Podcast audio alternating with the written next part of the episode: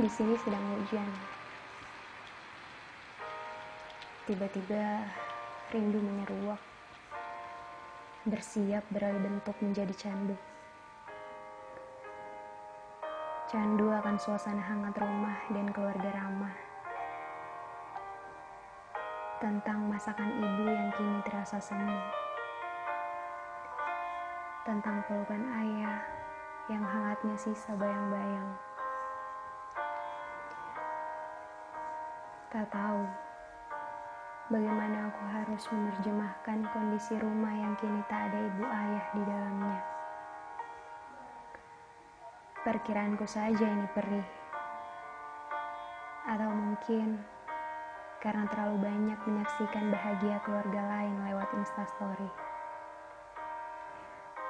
Sedikit punya rasa cemburu yang coba kuwajarkan pada nasib yang telah digariskan.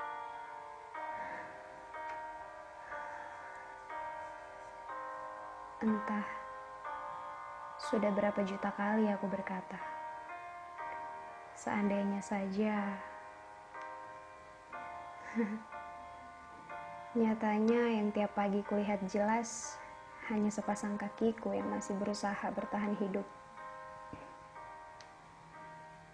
Sedihku memang sudah lama selesai, tapi rinduku rasanya kian tak masuk akal.